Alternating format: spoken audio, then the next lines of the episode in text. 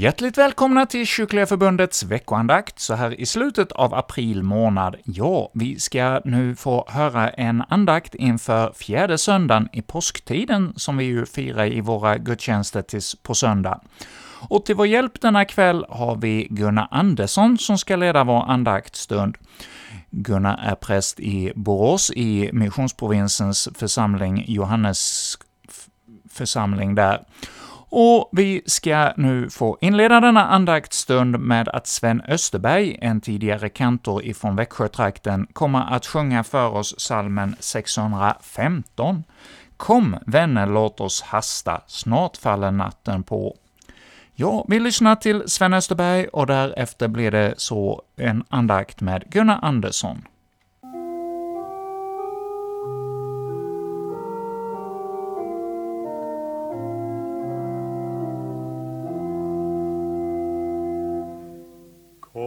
Vänner, låt oss hasta, snart faller natten på. Och farligt är att rasta i denna öken då. Upplåt oss fatta mod i Andens kraft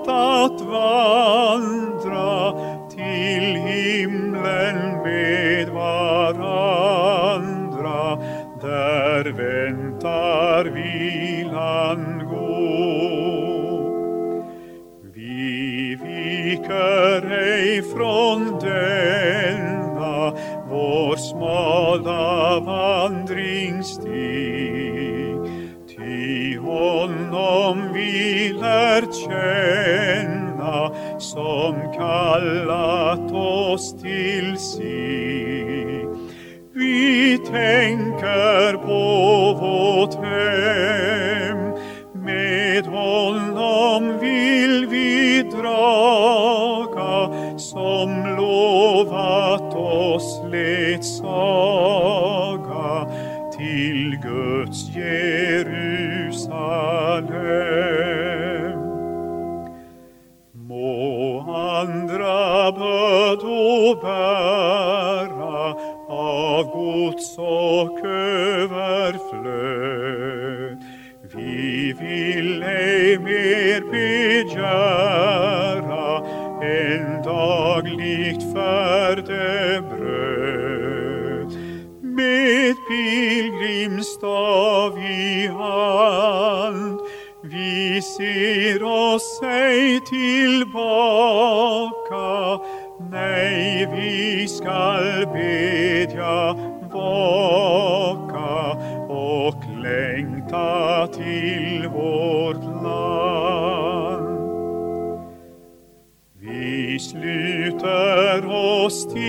samman och blir en nödens vår.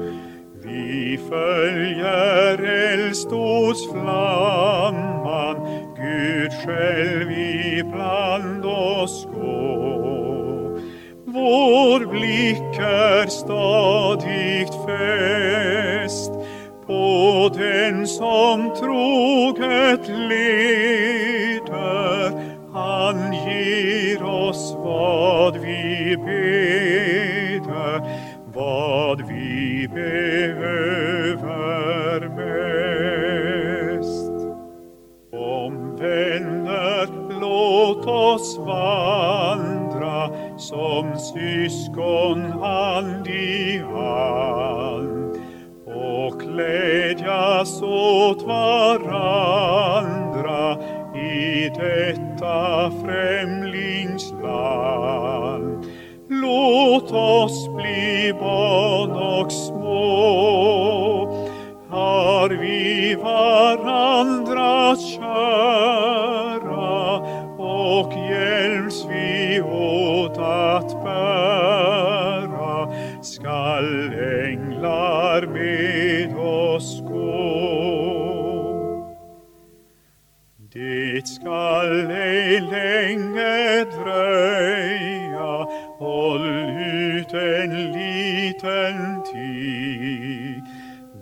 Det skall ej länge dröja, så kommer hemmets frid. En liten tid i tro, en liten tid i vaka, och vilan får vi smaka i evighet evighetens ro.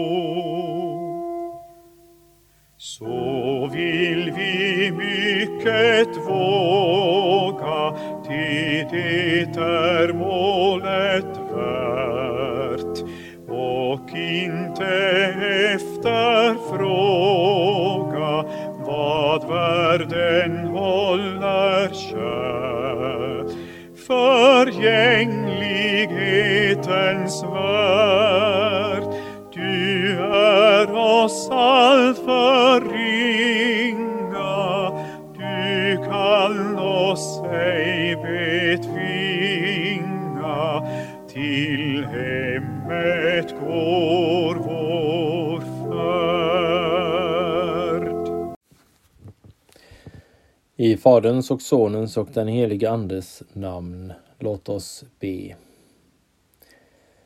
Gud vår Fader, lys oss med din sannings ljus när vi famlar i mörker. För oss på dina vägar fram till det mål som du har lovat oss. Ge oss den frid som världen inte kan ge. Genom Jesus Kristus, vår Herre. Amen. Vi läser episteltexten ifrån första Thessalonikerbrevets femte kapitel och nionde till elfte vers. Gud har inte bestämt oss till att drabbas av redesdomen utan till att vinna frälsning genom vår Herre Jesus Kristus. Han har dött för oss för att vi ska leva med honom, vare sig vi är vakna eller insomnade. Uppmuntra därför varandra och uppbygg varandra så som ni redan gör. Amen. Dessa ord skriver aposteln mot bakgrund av att han talat om beredskapen vi alla behöver, behöver ha för Jesu plötsliga återkomst. Han skriver att församlingen i Thessalonike mycket väl vet att Herrens dag kommer som en tjuv om natten. När folk säger fred och trygghet, då drabbar undergången dem lika plötsligt som verkarna hos en kvinna som ska föda och de slipper inte undan. Sedan skriver aposteln att de kristna inte ska vara oförberedda så som de icke-troende är.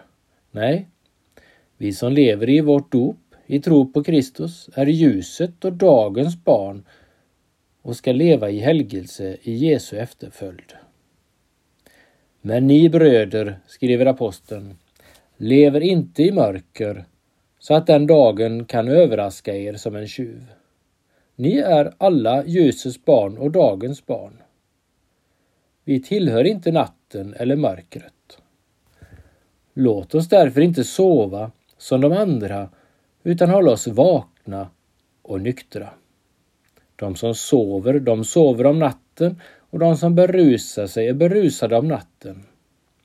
Men vi som tillhör dagen ska vara nyktra, iförda tron och kärleken som rustning och hoppet om frälsning som hjälm. Hoppet om frälsning som hjälm. Det är det första vi ska stanna inför.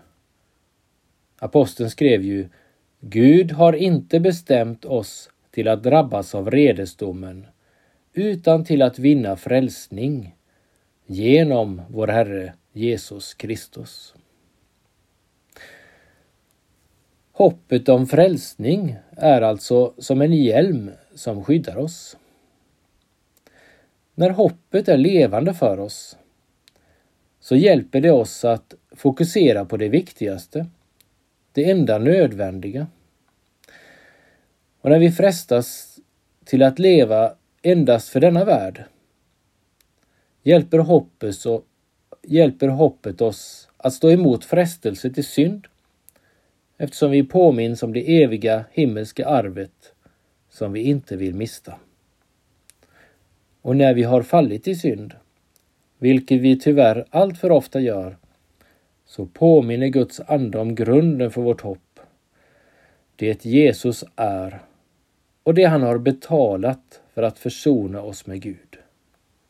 Vi blir på nytt visade till den fullkomliga förlåtelsen vi äger i Kristus. Och den nya människan i oss förnyas och stärks av förlåtelsens ord till att vilja göra det goda och rätta.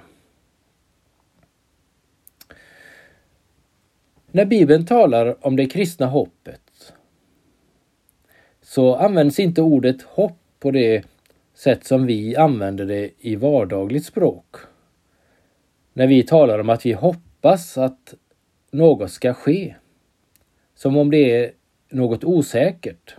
Som kanske sker. Vi hoppas att det sker. Men det kristna hoppet är inte något osäkert. Hoppet är inte motsatsen till något säkert utan motsatsen till det synliga. Alltså det är skillnad på att inte se och att se. Alltså den som lever i hoppet är redan nu frälst genom tron på Jesus. Redan nu är hon Guds barn och äger del i det himmelska arvet. Men man ser det ännu inte med sina ögon. Man lever i hoppet, i väntan på att få se. Då, en dag när man nått fram till målet, lever man inte längre i hoppet utan i åskådning.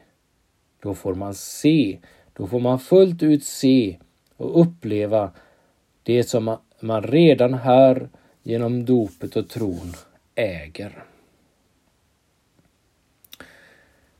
Nu slår aposteln fast att Gud inte har bestämt oss till att drabbas av vredesdomen utan till att vinna frälsning genom vår Herre Jesus Kristus. Vredesdomen, det är Guds dom som alla vi människor dragit över oss på grund av att vi fallit i synd och vänt oss bort ifrån Gud vår skapare.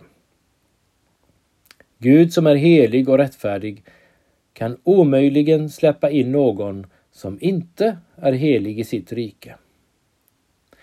Därför var det oundvikligt att domen skulle falla över oss syndare. Och mot bakgrund av det är det ett fantastiskt glädjebudskap, ett evangelium, att Gud inte bestämt oss till att drabbas av vredesdomen utan till att vinna frälsning genom vår Herre Jesus Kristus. Gud bestämde istället att Gud, Sonen, Jesus Kristus, skulle drabbas av vredesdomen istället för oss människor.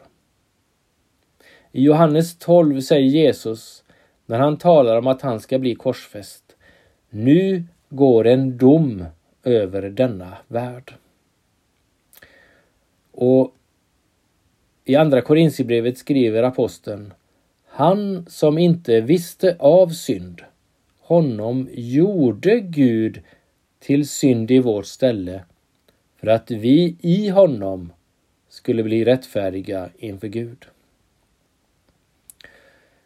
Gud lät alltså Jesus dricka hela vredesbägaren på korset för att du och jag skulle få dricka välsignelsens bägare, få del av Jesu frälsning, av glädjen, av evigt liv. Nu inbjuds alla människor till att höra Jesu röst, höra honom tala i Guds ord och ta emot frälsningen som en fri gåva. Jesus försäkrar ju Jag säger er sanningen. Den som hör mitt ord och tror på honom som har sänt mig, han har evigt liv. Han drabbas inte av domen utan har gått över från döden till livet. Johannes evangeliets femte kapitel och 24 vers. Det är det fasta kristna hoppet. Att den som vet att hon behöver Jesus, som hör och tror på hans ord, har gått över från döden till livet. Om inte Jesus kommer tillbaka innan dess så kommer vi förvisso dö och läggas i grav. Men den döden har förlorat sin makt och kan inte hålla kvar oss. Utan redan när vi dör får vi gå in i den saliga gemenskapen med Gud. Och sedan på den yttersta dagen får vi uppleva kroppens uppståndelse och det fulla, friska livet på den nya jord Herren ska skapa. I anslutning till detta kan vi stanna inför den andra punkten. Det handlar om att de som dött i trons gemenskap med Jesus i Guds ögon inte är döda utan sovande. Aposteln skrev ju Han har dött för oss för att vi ska leva med honom, vare sig vi är vakna eller insomnade. Jesus dog alltså för oss för att vi ska leva med honom. När Paulus i Romarbrevets sjätte kapitel talat om att vi dött, begravts och uppstått med Kristus i dopet, så konstaterar han att Kristus dött bort från synden en gång för alla. Han har dött bort ifrån den synd han blivit gjord till från vår synd när han dog på korset och att hans liv nu är ett liv för Gud. Så säger han, så ska också ni se på er själva. Ni är döda från synden och lever för Gud i Kristus Jesus. Det är stort att lägga märke till att aposteln inte skriver att vi ska leva med Kristus vare sig vi är levande eller döda utan istället vare sig vi är vakna eller insomnade. Den kroppsliga döden liknas alltså vid en sömn för Guds barn. Och det hänger förstås samman med det vi noterade tidigare. Det Jesus säger att den som tror på honom har gått över från döden till livet. Liksom vi under vårt liv här antingen är vakna eller sovande, så är det också så när vi får del av det nya livet med Kristus, att vi kan vara vakna, alltså vi fortfarande lever kvar här, eller insomnade när vi avlidit och vilar i graven i väntan på det stora uppväckandet. I Första Korinthierbrevet 15 talar aposteln om Kristi uppståndelse och vår uppståndelse. Där kan vi också lägga märke till samma sak. Men nu har Kristus verkligen uppstått från de döda som förstlingen av de insomnade. Guds barn som har avlidit kallas också här för de insomnade och att Jesus har uppstått som förstlingen av de insomnade visar att det ska uppstå många, många fler sovande Guds barn på den yttersta dagen. För det tredje ska vi lägga märke till avslutningen i vår text. Uppmuntra därför varandra och uppbygg varandra så som ni redan gör. Som kristna behöver vi varandra. Det är mycket svårare att hålla ut om man är, ens, om man är ensam och inte har någon att dela tron med. Och som kristna tillhör vi Kristi kropp, hans kyrka och församling. Där vi har olika kallelser och uppgifter. Men där vi har det gemensamt att vi hör ihop och att vi alla behöver gemenskapen med dess stöd, hjälp och uppmuntran. Och vi får var och en vara den helige Andes redskap för att stödja och uppmuntra våra trossyskon. I Hebreerbrevets tionde kapitel läser vi Låt oss ge akt på varandra och sporra varandra till kärlek och goda gärningar. Och låt oss inte överge våra sammankomster så som några brukar göra, utan istället uppmuntra varandra och det så mycket mer som ni ser att dagen närmar sig. Vi ser många tecken i vår tid på att dagen för Jesu återkomst närmar sig. Krig, laglöshet, egoism och så vidare. Och då finns det en tydlig uppmaning i Andra Petrusbrevets tredje kapitel att ta till sig. När, du, när nu allt detta går mot sin upplösning, hur heligt och gudfruktigt bör ni då inte leva medan ni ser fram emot Guds dag och påskyndar dess ankomst, den dag som får himlar att upplösas i eld och himlakroppar att smälta av hetta. Vi kallas alltså till att leva heligt som Jesu efterföljare, som ett annorlunda folk, som inte prioriterar som de som bara lever för detta livet. Med blicken mot Jesus och det himmelska målet får vi leva i vår kallelse här och nu. Vi får glädja oss över allt det goda Gud ger oss och be om och sträva efter att Guds goda bud ska gå i uppfyllelse i våra liv. För att det ska ske behöver vi leva nära Herren, leva nära Herren i hans ord och sakrament, så att Guds ande får forma oss och framförallt bevara oss i nåden. Under denna vandring mot målet får vi be för varandra och vi behöver uppmuntra varandra. Vi får uppmuntra och uppbygga varandra. Det kan ske när vi träffas i gudstjänsten och efter gudstjänsten, vid möten i vardagen, vid besök eller genom telefonsamtal eller meddelande. Och särskilt får vi tänka på dem som är avsidestagna och inte själv har möjlighet att komma till gudstjänsten i församlingen. Under allt får vi tänka på att lyssna till den gode herdens röst och följa honom. Han som har sagt Mina får lyssnar till min röst och jag känner dem och de följer mig.